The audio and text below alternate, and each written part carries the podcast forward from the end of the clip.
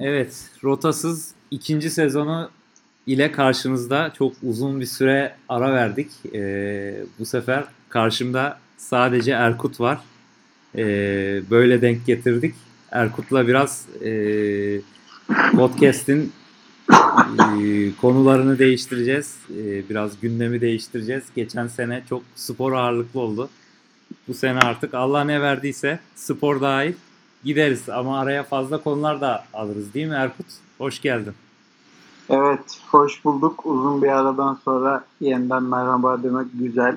Ee, geçen sene elimizde olmayan sebeplerle erken bir sezon finali yaptık. Hatta adını sezon finali bile koyamadık ama öyle oldu. Şimdi ikinci sezona girdik.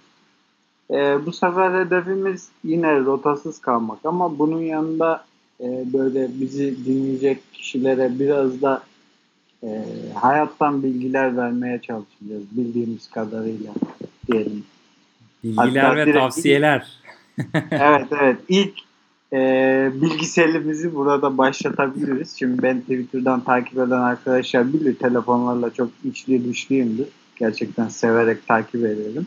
Aynen. Şimdi son zamanlarda e, insanlar belki biraz dikkat etmiştir.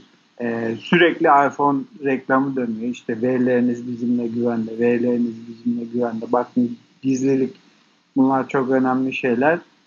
Yani e, özellikle bu Amazon CEO'su e, Jeff Bezos'un telefonu hacklendikten sonra WhatsApp üzerinden Apple bu reklamları biraz arttırmaya başlamış gibi gözüküyor. Yani o da ben e, o durumu takip ettiğimde hani sanki bunun e, hani Apple'la alakası olmasından çok hani WhatsApp programında işte veri erişimi izinleriyle alakalı olduğunu duymuştum. Ama çok derin incelemedim açıkçası. Bu ne kadar doğru yanlış bilmiyorum. Var mı böyle bir şey? Zaten abi konuyu gündeme getirme sebebim biraz da bu. Şimdi günümüzde abi algı her şeydir. Mesela şimdi hemen hemen tüm teknoloji siteleri hatta konuyla alakası olmayan yayın organları bile işte Amazon CEO'sunun iPhone'u hacklendi diye haber yaptı. Şimdi çoğu insan e, sadece başlığı okuyup geçiyor. İçeriği çok merak etmiyor. Zaten e, başlıklar da buna göre dizayn ediliyor. Adam okuyor. Aa bak iPhone'da hackleniyormuş. Aynen. O hemen yerleşiyor. Halbuki e, adam WhatsApp'ına gelen kel alaka bir şeyi kabul etmiş. WhatsApp'tan gelen e, dosya üzerinden e, telefon ele geçirilmiş. Yani burada e, iPhone'un belki de yapacak çok da bir şey kalmamış. Bunu şey için söylemiyorum. İşte Galaxy'nin en güvenilir telefonu iPhone'dur diye söylemiyorum ki öyledir bence. Ama bunlar olabilen hadiseler yani. Abi bu sen zaten WhatsApp'tan e, yani bu tip saçma sapan şeyleri kabul ettiğin takdirde bu ister CIA telefonu olsun, ister yok kripto telefon olsun bunlar zor şeyler değil yani. Abi zaten e, yani atıyorum şimdi nasıl söyleyeyim e, bu hacker camiasının diyeyim yani bu hacker dediğimiz insanların e, üst kademe insanların isteyip de hani kıramayacağı, geçiremeyeceği, işte ele geçiremeyeceği hiçbir şey yok gibi ben öyle düşünüyorum açıkçası. Yani bugün baktığımızda e, teknoloji dünyasının en büyük şirketleri kimdir? Apple'dır, Facebook'tur, Samsung'tur, e, Google'dır neyse bunların hepsi sonuçta güvenlik e, prosedürleri için e, kaç bin kişiyi belki işe alıyorlar ve inanılmaz paralar ödüyorlar. İşte şurada açığımızı bulun, şurada güvenlik açığımızı bulun, size bu kadar para et. Yani bu güvenlik açığı bulunacak ki o da o parayı ödeyecek. Yani bu ne demek oluyor? Sistemler er ya da geç e, sen burasını yama yap başka yerden açık veriyor. Orayı kapat başka yerden e, denilecek bir şey buluyorlar. Yani nihayetinde bu e, marka işinden çıkıp biraz da kullanıcının kendisinin dikkat etmesi gereken bir şey yani. Evet evet o konuda haklısın. Yani eğer son kullanıcı e, kullandığı programlara, yaptığı hareketlere dikkat etmezse her telefon hacklenebilir, her telefona virüs bulaşabilir. Yani e, kişisel verileri kaybetmekten tut da işte banka kart bilgilerinin gitmesine, özel fotoğraflara yani bu verilere erişmek çok zor değil. Mesela CIA'nin e, meşhur bir iPhone e, şifre kırma muhabbeti vardı. Hatırlarsın uzun süre e, uğraştıklarını söylediler. Apple biz müşterimizin verilerini veremeyiz dedi. Sonra alakasız bir şirket dedik ya baba siz ne yapıyorsunuz ya biz dedik gayet kırıyoruz giriyoruz canımızın istediği iPhone'a siz dedik kim, kim ne yapıyorsunuz kimi kandırıyorsunuz tabii ya? tabii yani bu, bu, bu kadar basit bir olay aslında yani hani bu konuda hani gizlilikle alakalı firmaların çalışma e, yapması çok iyi bir şey. Hani e, her ne kadar çoğu kişi bu gizlilik şeylerine inanmasa da çünkü sürekli bir yerlerden bir patlaklar çıkıyor. İşte Facebook'un uğraştığı şeyler, Google'ın uğraştığı skandallar diyeyim yani gizlilikle alakalı. Ama e, yani yine işin e, sonunda firmalar veya tekil hackerlar e, patlatmak istediğini patlatıyor yani. Bu kadar net. Evet abi o konuda zaten hani e, PR her şeydir yani. Algıyı yaratmak, o e, üstüne atılan, atılmaya çalışılan çamuru temizlemek çok önemli. Yani Apple güvenliği umursuyor da Google umursamıyor mu? Samsung'un umurunda mı değil? Ha, tabii ki şirket politikaları birebir aynı demek değildi. Apple belki bu işe daha fazla önem veriyordu. E, burası tartışılır ama yani çıkıp e, sayfalarca reklam verip e, televizyon kanallarını, interneti doldurup ya işte bizim için güvenliğimiz her şeyden önce gelir. E sanki Google'a gelince adam sana diyor ki baba burası valla dark web başına her an bir şey gelebilir. Hayır abi orası da güvenli yani.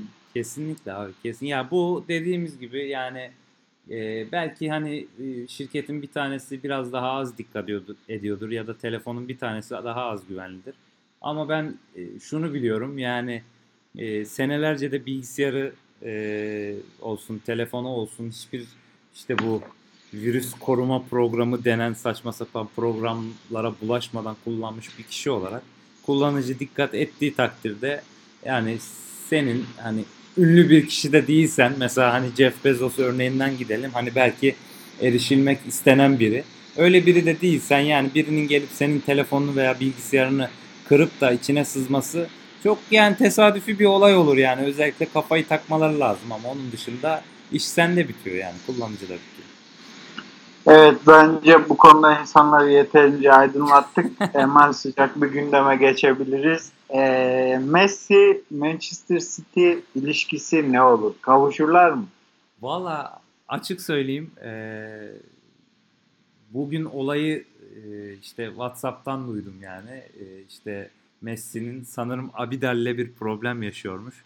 E, açıkçası yani ne diyeceğimi bilemiyorum. Bu yaştan sonra bütün kariyerini Barcelona'ya adamış bir e, süper yıldızın yani e, gelmiş geçmiş en iyi 5 futbolcu diye saysan herkes çoğunluk yüzdeyi belki 60-70 Messi diyeceği bir ortamda e, senin bu kariyeri birden e, bu şekilde çevirmem bilemiyorum tabii. Yani olayın detayını da bilmediğim için böyle boş yorum yapıyorum belki ama e, hani ben açıkçası Messi'yi Barcelona'dan başka bir kulüpte düşünemiyorum yani.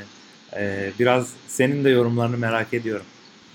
Ya aslında olayın e, öncesi varmış. Şöyle 2016-2017 sezonunun başında yani Guardiola Manchester City'ye gittiğinde e, Messi ile bir telefon görüşmeleri oluyor. Daha doğrusu yani olmuş.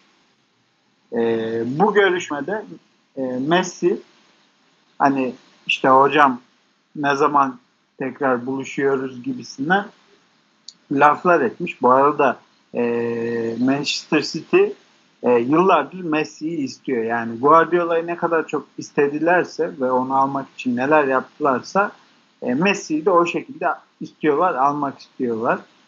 E, Messi hatta o sıralar haberlere göre Luis Enrique o zamanki teknik direktörlerine bile ayrılacağını söylemiş. Neyse bu e, ayrılma aşamalarına doğru ilerlerken Suarez'le bunlar şimdi çok yakın arkadaş. Ailecek de görüşüyorlar. Suarez bunu allem ediyor, kallem ediyor, ikna ediyor. Diyor ki kanka ya daha burada rahatız. Başaracaklarımız var. Alacağımız kupalar var.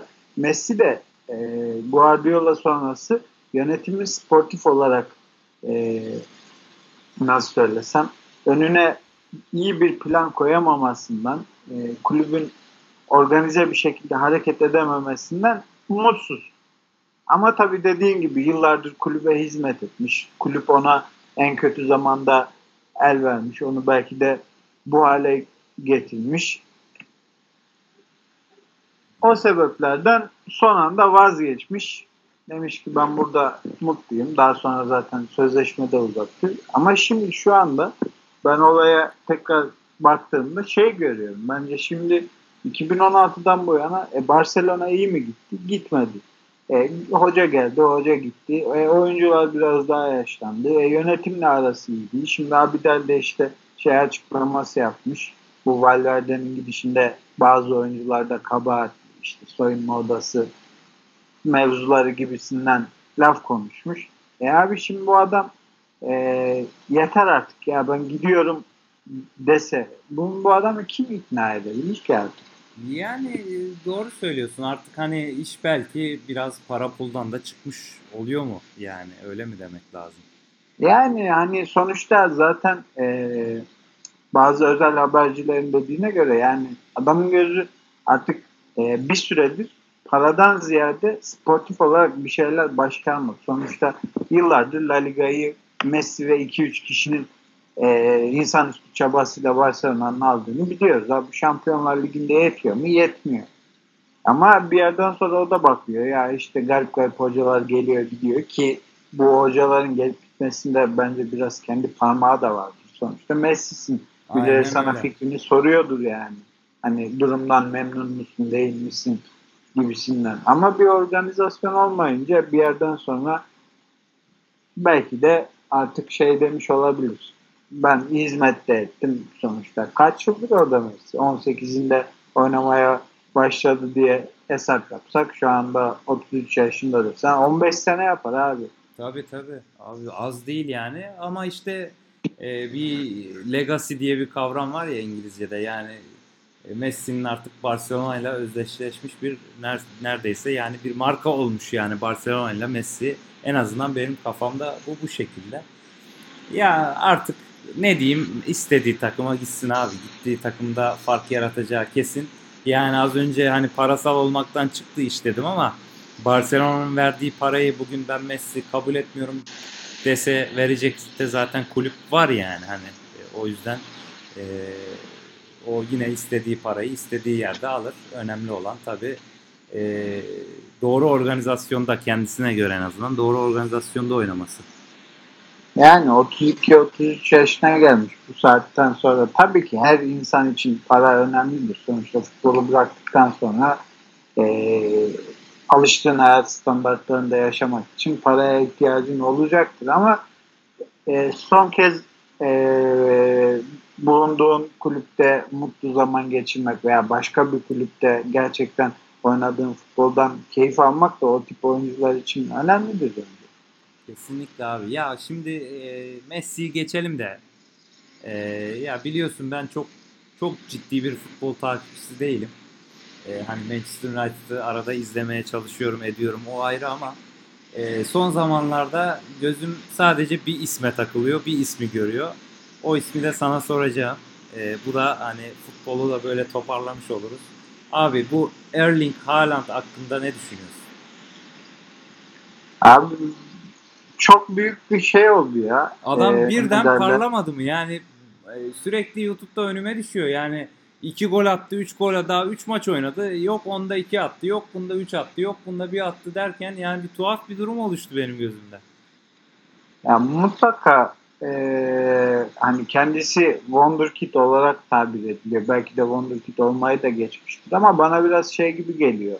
E, sen takip etmemiş olabilirsin. Bu Paco Alcacer Dortmund'a gittiğinde bir ara o da böyle bir e, inanılmaz bir gol döngüsüne girmişti. Adam giriyordu tık tık dokunuyordu hemen iki gol iki gol.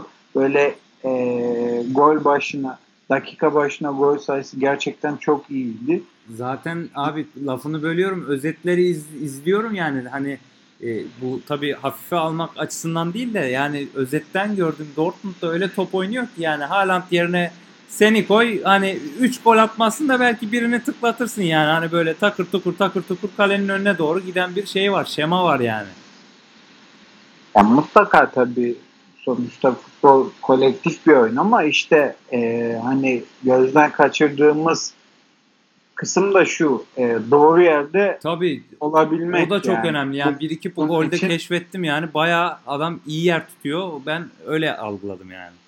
Yani bu golü koklamak dedikleri şey belki de onda e, çok iyi. Bir de şu anda hani şimdi e, oynadığı maç sayısı, aldığı süre sayısı az olduğu için hani bunu e, genele vurup aa işte senede 50 gol atar, 70 gol atar, 600 milyonluk futbolcu olur diyemiyorsun. Yani bunu görmek için bir 6 ay boyunca e, bakmak lazım aldığı sürelerde. Yani bir ay sonra e, muhtemelen Haaland'ın performansı biraz daha oturacaktır. Çünkü bu yani sürdürülemez bir şey yani. Biz sonuçta Messi'nin bir senede 90 gol attığı sezonu gördük yani. Evet. Bu işler öyle her dokunduğunu atmakla olmuyor. Bunun formsuzluğu var, işte sakatlığı var, önüne top gelmemesi var. Var oğlu var yani. Şöyle bir e, hangi ayda? Şubat ayındayız. İşte Nisan Mayıs'a doğru performansı biraz daha e, daha iyi tahlil edebiliriz bence. Evet abi. eee, futbolu bitireceğim müsaadenle. Yorum, Yeter abi değerli kadar. yorumların ardından. Çok eee, yani biri ilginç biri de eee, yani teknolojiyi takip eden herkesin bekleyebileceği bir haber. Eee ikisini de senden yorumlarını alacağım. İlki eee, çok çok eee, garibime gitti yani. Şimdi şöyle diyor. 2019'da eee, Apple abi İsviçre saat markalarından toplamından daha fazla satış yapmış.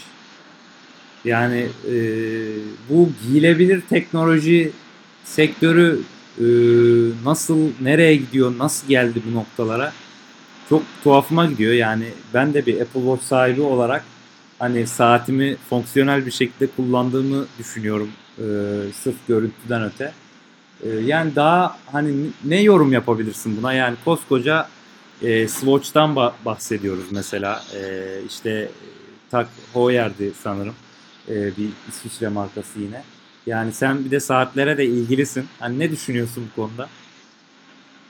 Abi bu e, giyilebilir teknoloji özellikle Apple öncülüğünde e, giyilebilir bir teknoloji ve aksesuar olmaktan ziyade aslında e, sağlık sektörüne de ciddi bir şekilde sıçramış durumda. Özellikle Amerika'da e, ara sıra haberlerine de denk gelmişsindir mutlaka. İşte e, Apple Watch e, işte Siri üzerinden 911'i aradı. İşte bu kalp atışlarını takip ediyorlar biliyorsun Apple Evet. Watch'ta. E, işte krizi erken fark etti. Şu oldu, bu oldu. Yani bu iş artık biraz da şeye sıçradı. E, saat olmaktan ziyade koluna taktığın bir şeyle artık sağlığını takip edebildiğin bir cihaza dönüştürdü bunu Apple.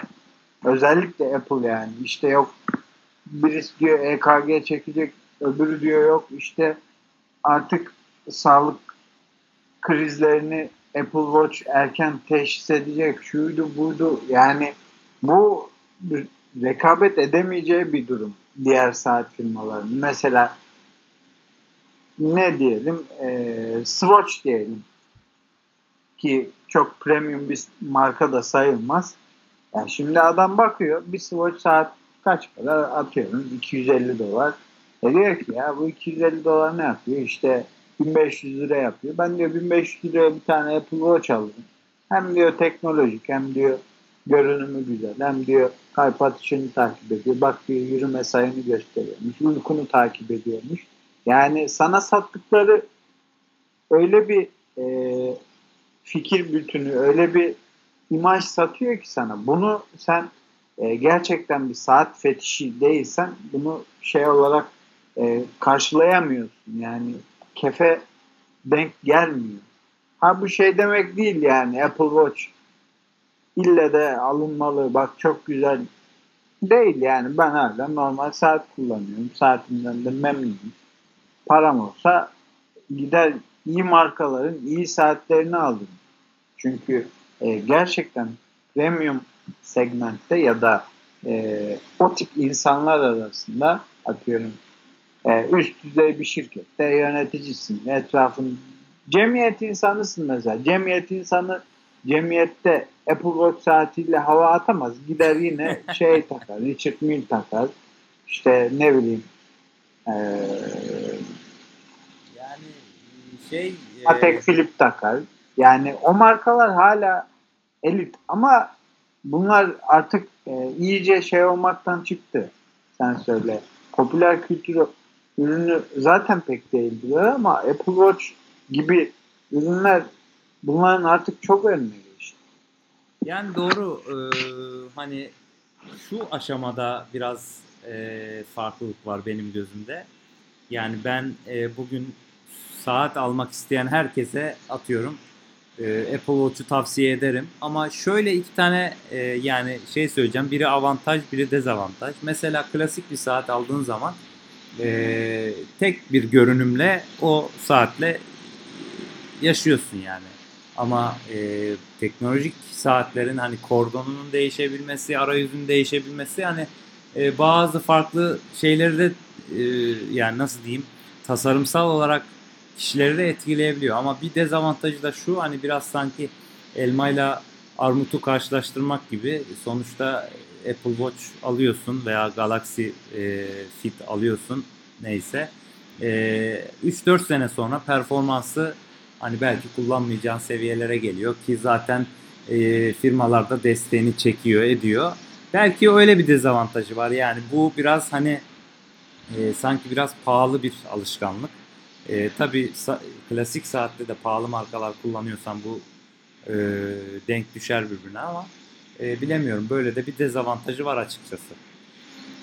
E, şimdi bir yani, Evet abi seni dinliyorum. Lafını bölmeyeyim.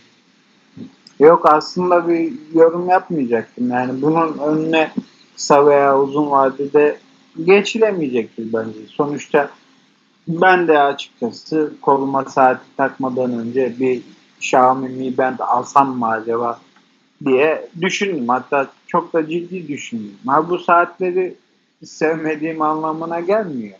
Ama onların e, dediğim gibi işse, işlevselliği fazla olduğu için kullanıcıya daha cazip geliyor. Aynen öyle. Ee, son konuma geçiyorum kendi adıma. Ee, abi YouTube'dan bahsedeceğim. Ee, bunu seninle konuştuk. YouTube e, alın yani Google tarafından alındıktan 14 sene geçmiş üzerinden. Ee, hatırlarsın eskiden YouTube'da işte mesela çok popüler bir video vardı. Charlie Bit Me diye bir çocuk e, kardeşine şey yapardı. Hani sana bir soru sorayım mı? Sor abi. YouTube'da ilk 1 milyon izlenmeye kavuşan videonun ne olduğunu hatırlıyor musun? Kendisi olabilir mi? Öyle bir şeyler hatırlıyorum sanki ama. Yani e, e, neydi biliyor musun abi? Ronaldinho'nun 3 kere topu direkten sektirme vardı. Altın abi, renkli R10 Nike kramponları vardı. İlk video oymuş abi. Ya işte yani bu tarz aslında e, daha çok nasıl desem hani komiklik ve hani şova yönelik daha hani çok basit tarzda şovlar bu tarz hani böyle e, şovların ünlü insanların e, yaptığı şeylerin izlendiği bir platformdan e, Google aldıktan 14 sene sonra geçen yıl abi e, yaptığı e, ne diyeyim artık kar e, marjı 15 milyar dolar. Yani inanılmaz bir e, rakama ulaşmış vaziyette. E, rakam da demeyelim, sayı diyelim. E, yani bununla alakalı ne düşünürsün? Hani e, ve bu bunun bunda da en önemli etken aslında hani dedim ya az önce mesela Ronaldinho'dan bahsediyorsun. Aslında mesela şu an YouTube'un en e, kalabalık kanalı PewDiePie e, isimli bir İsveçli arkadaşın oyun oynama videolarını koyarak başlattığı bir şey.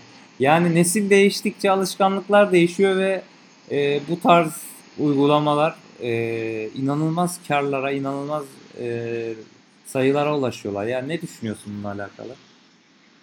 Abi bir kere şöyle başlamak lazım bence. Ee, Google'ın YouTube'u satın alması ve ona yatırım yapması bence Google tarihinin en karlı, en vizyoner işlerinden biri olabilir. Ki lafını böleceğim burada. Ee, Google ben geçen gördüm bunu. Kendi video servisini de denemiş bir ara. Ee, hani o, o yani onu tutturamayıp YouTube'u alıyor zannedersen. Evet galiba öyle bir şey olması lazım ama sonuçta e, eğrisi doğrusunu bulmuş diyelim ve Google bu yola bu şekilde devam etmeye karar vermiş. Yani şimdi YouTube'un geldiği hali görüyoruz işte Doğan Kabaklar olsun, Türkiye'de Uğur Karakulukçu olsun, işte oyun yayınları yapanlar yani herkes bir köşesinden çekiştiriyor ve herkese yetecek kadar da e, büyük bir platform. Hani hala şu anda yeni yeni insanlar, yeni içerikler üretmeye çalışarak giriyor ve hala YouTube bunu kaldırıyor. İzleyici bulabiliyorsun kendine. Tabii burada istikrar, e, gelecek planlaması gibi önemli faktörler de var. Ama zannediyorum ki artık yavaş yavaş YouTube yeni nesil medya belki de çoktan oldu. Yani, yani e, oldu tabii ki. Yani şu an baktığın zaman Türkiye'de e, hani büyük kanalları geçelim, büyük medya kuruluşlarını geçelim. E, baktığın zaman e, aklıma ilk etapta neler geliyor? Mesela BBC Türkçe'nin işte T24'ün e, Euro, Euronews'in işte e, Deutsche Welle'nin bir sürü kanalları e, resmen oradan haber yapıyorlar. Yani e, hani açık ve net söyleyeyim veya işte haber içeriğini geç, e, politik içerik olsun, ekonomik içerik, teknolojik içerik. Yani artık televizyonu takip etmeye gerek kalmadı benim nazarımda. Yani e, sonuçta e, İngilizce'de entertainment denen bir kavram var. Yani bu içerik e, tamamen sana video e, streaming platformlarından sunuluyor. Ve hani e, şey dediğin gibi yani düzen değişiyor. Hani artık insanlar e, YouTube işte Instagram buralardan satış yapıyorlar. Buralardan yayın yapıyorlar. Farklı bir e, aleme döndü yani. Abi şöyle söyleyeyim ben mesela YouTube Premium kullanıyorum. Hani e, sabahları akşamları işe giderken akşamdan indirdiğim videoları açıyorum. Gayet keyifli oluyor. Mesela e, bu Sokrates derginin bir zamanlar Amerika'da programı var. Açıyorum abi sabah 20 dakika 40 dakika neyse onu izliyorum. Dönüşte yok Flu TV aç yok işte inceleme videoları aç şunu aç bunu aç yani o kadar sınırsız bir içeriği var ki yani hemen her şekilde doyuruyor seni. Evet A'dan Z'ye gerçekten yani bugün işte atıyorum bir şeyi öğrenmek istiyorsan da YouTube'a başvuruyorsun. Hani ya düşünsene eskiden işte atıyorum bir ürününün bir parçası bozuluyor ve hani e, bunu yapacak ehil insanlar oluyor, ustalar oluyor, bilmem neler oluyor. Çağırıyorsun, geliyor. Artık öyle değil. Yani atıyorum işte e, televizyonumun işte rengi soldu, bilmem ne oldu. Yazıyorsun abi YouTube'da hemen e, muhakkak biri daha önce o problemle karşılaşmış ve çözümünü videoya almış. E, ha, bunu e, dünyaya da yayınlamış. Yani biraz insanların kendi kendine yetebilmesi açısından da oldukça e, katkıda bulundu. Tabii bu konuda e, meslek sahibi veya işte ustalık sahibi insanların işleri muhakkak bozulmuştur ama yani bugün atıyorum bir ev mi kuracaksın? Yani e, lavabodaki bataryanı takmandan işte lambanı monte etmenden televizyonu kurmandan her şeyine kadar var yani e, ve bunu engelleyemiyorsun. Peki sana o zaman e, şöyle bir soru sormak istiyorum. e, 2010'lar sonrasında bu gelişen sosyal medya işte Instagram, YouTube, Twitter olsun bu tip mecraları göz önünde bulundur. E, ve sosyal medyaya entegre insanlar için e, günümüzde artık e, do it yourself devri başlamış diyebilir miyiz? Ya abi kesinlikle diyebiliriz. Yani e, hani şimdi düşünüyorum e, kendimden de muhakkak örnek vardır aklıma gelmiyor ama e, yani e, tabii şimdi mesela biz e, işte 20 yani nasıl diyeyim 80'li yılların sonu 85-95 arası doğumluların e, mesela kendi üst kuşaklarıyla, babalarıyla, amcalarıyla inanılmaz bir e, farkları oldu bu konuda. Yani e, en ufak bir örnek vermektense şöyle diyebilirim. E, bir şey mi alınacak eve? Buzdolabı mı alınacak? E, veya en e, basitinden yakında dönemde öyle bir e, tecrübem oldu. Bir ev bakma arayışına girdik. E, babam gelip direkt e, bütün emlakçıları tek tek dolaşmayı tercih ederken ben internette işte sahibinden.com'a girip kendi işimi kendim hallediyorum. Bunun gibi o verdiğin örnekte de do it yourself'te de e, çok yakınlarımın internetten bazı tasarımları görerek, bazı yapım şekillerini görerek işte kolye, bilezik yapıp sattıklarını e, veya işte farklı defter yapan olsun, kitap e, atıyorum ayracı yapan olsun bir sürü e, bu tarz hani dediğin o do it yourself kavramını kullanıp e, işte el hırdavat işleri gibi bir sürü türeteceğimiz örnekler var. Yani bu artık e, gerçekten bir kendi kendine bir iş kapısı da açtı yani. Evet o konuda bence de kesinlikle haklısın. Yani kapı kapıyı açtı. YouTube gerçekten belki de YouTube'u e, bu platformu kuran bu işlere öncülük eden insanlar bile bu kadarını beklemiyor olabilirdi. Kesinlikle abi. Ee, o zaman bugünlük burada bırakalım mı? Ee, evet bugünlük bu kadar diyelim. Önümüzdeki hafta evet, daha farklı evet. konularla görüşmek Aynen üzere. Aynen öyle. Görüşmek üzere. Teşekkür ederiz.